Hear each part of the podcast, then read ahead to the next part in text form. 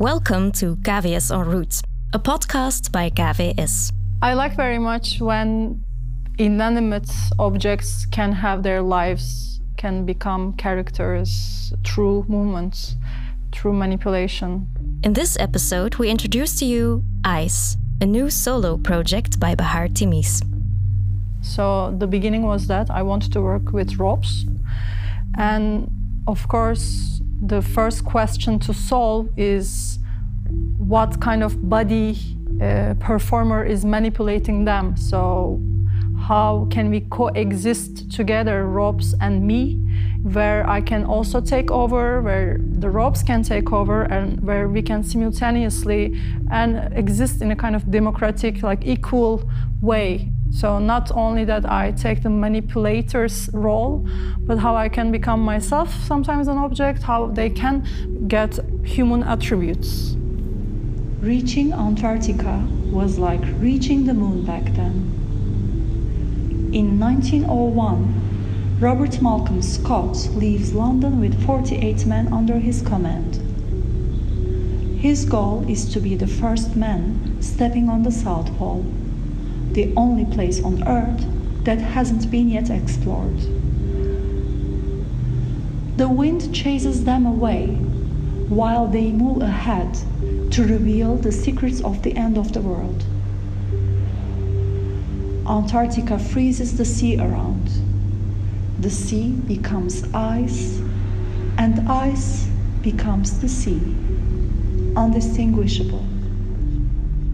The title Ice came after choosing this very specific uh, aesthetics of uh, going with the white dance floor, uh, white robes. So I was reading a book and then I read Ice and I was like, yeah, that's it. So then it became the moment the title got uh, into like rebaptized. I started to research uh, everything that I could find on ice. So Himalayas, uh, Everest, the story of all these people dying there, not decaying, and also, of course, Antarctica and North Pole. So I read some expedition books. And what was uh, very striking was um, this travel towards an unknown field where people wouldn't know what they would meet actually.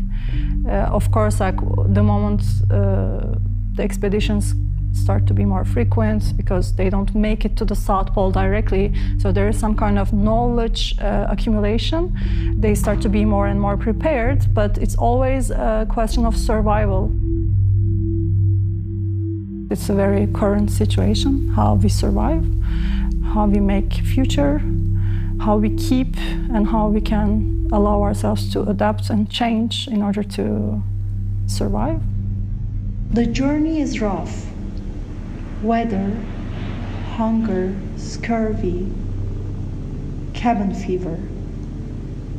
The conflict of personality between Scott and his second man on command, Shackleton, makes it unbearable for everyone. Shackleton leaves London for a second time as Scott's rival. He almost reaches the South Pole but realizes that if they reach the pole, they would starve to death on the way back. He writes to his wife that he hopes she will prefer a live donkey to a dead lion. Shackleton. We ended up on Shackleton because um, all this research about the ice uh, on Everest, North Pole, South Pole brought me Shackleton, who is really a survivor, who is very um, adventurous uh, and who had a lot of trouble, but who kept going there. I, Shackleton is a bit uh, this figure, this uh, historical figure still, but like a more recent uh, figure that is uh, reminds me a bit like uh, Sisyphus figure, where you are in a inefficient movement and you keep doing this thing. So it's a lot about struggle, but it's also about making something beautiful uh, through this thing, that it's not only to use this kind of uh, survival state in terms of aesthetics, but it's really like how you can um, change uh, things and how you can interact with uh, the surrounding, how you can have an effect, and how this surrounding can have an effect on you. In Shackleton's story, there is a lot of praying to stay alive. Incredible things happen to them, and yet they survive them all. He would let his men sleep for about four or five minutes, wake them up, telling that they slept an entire hour. With the clothes they wore at that time, they would freeze to death if they slept any longer. They look like they are cheerfully awaiting death while camping on the unpredictable soft ice. They play soccer and hold costume reviews to fight the boredom. They have been exposed to the cold and light for 15 months. Imagine the endless daylight. Their faces are completely burned. They become other men. We are in this gorgeous dance studio in KVS on the fourth floor. Uh, I'm actually looking at the terrace, which is huge, and you can see the church really far and all these buildings. And we have a very big circle. Um, it's a white dance floor that we put on the black dance floor. It's, I think, like four or five millimeter Oh, this is the sound it makes. So when they will enter, we will be in this cube, almost cube, not a perfect square. And this white circle will be in the middle of the space. It is very, very clean. It's kind of impressive to see just this lying there, for me, at least. And we have some rope installations coming uh, from the ceiling as well. Uh, they will be also on the floor between the audience seats, which are around this circle. And I will be in space as well. And I'm working with ropes, so sometimes ropes also make sounds. Now this is the rope touching it.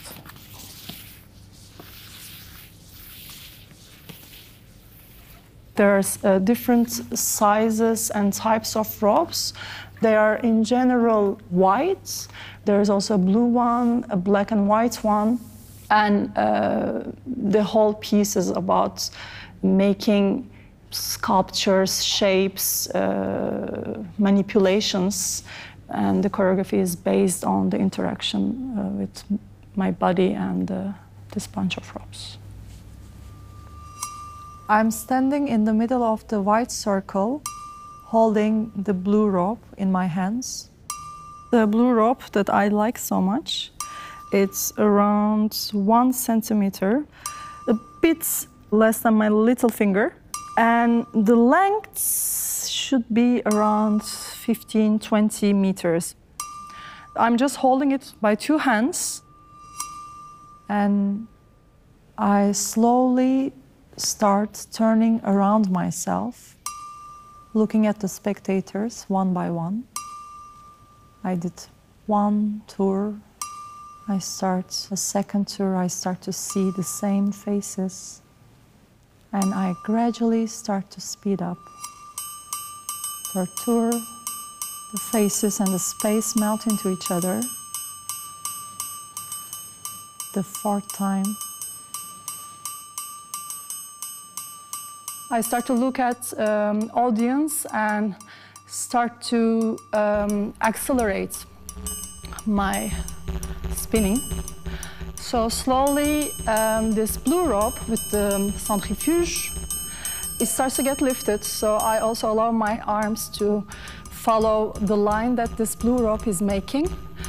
And so my both hands are um, on the level of my heart now. And as you can hear, my breathing accelerates as well. So I start to open slightly my hands and the bunch of ropes is divided into two until I come to a shape where my hands are making a T. So yeah, you can hear now the sound it makes. So I will start to drop one by one this uh, bunch of ropes that I have in, in my hands, in my fingers. So now I will drop one. So now I have a new circle in front of me because there is more length that is freed.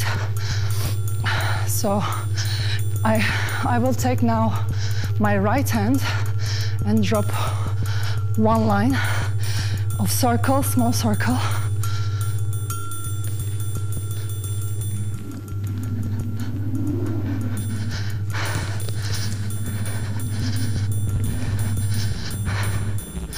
So it's a bit too far towards the audience now, even though I have my vertical protecting rope hanging.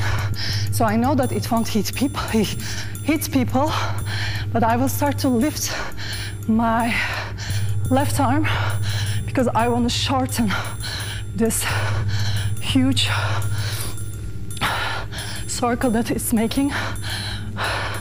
And I will start to curl in it. So now this shape is around my waist and a little shorter. And the rope is making a new figure. So I keep changing slowly my arms. So the shape on the spaces in the space is changing. So now it's my right arm high on um, higher. Uh,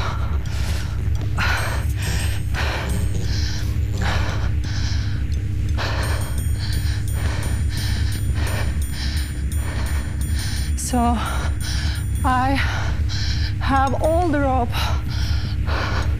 around my body, around my knee, leg, waist, shoulders, and neck.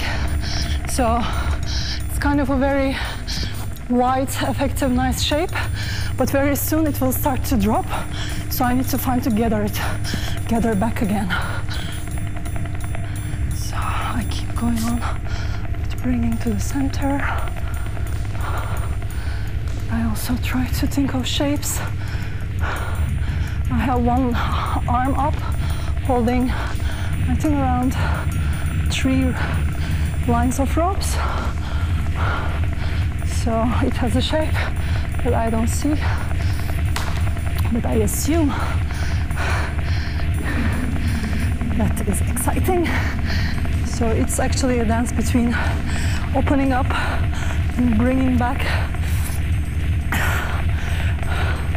to be able to keep spinning around myself.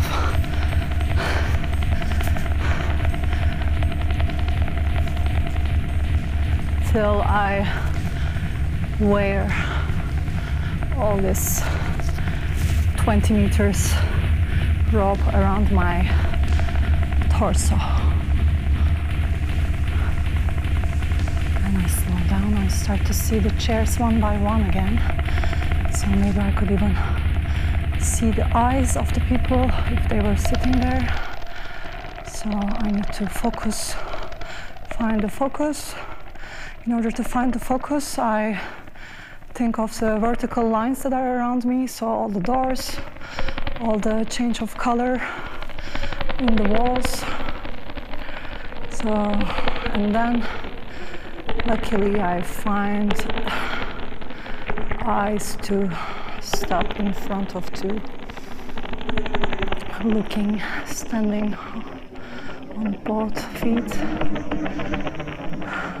waiting that the breathing calms down.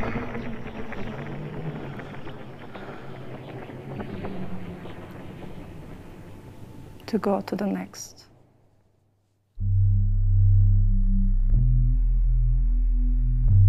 Thank you for listening to this podcast about ice, the newest work of choreographer Bahar Temiz. Please check kvs.be for more information and our other podcasts. If you're not able to attend the premiere, we invite you to the live stream of the performance on the 8th of October at 8:30 p.m. on 247.kvs.be. See you soon.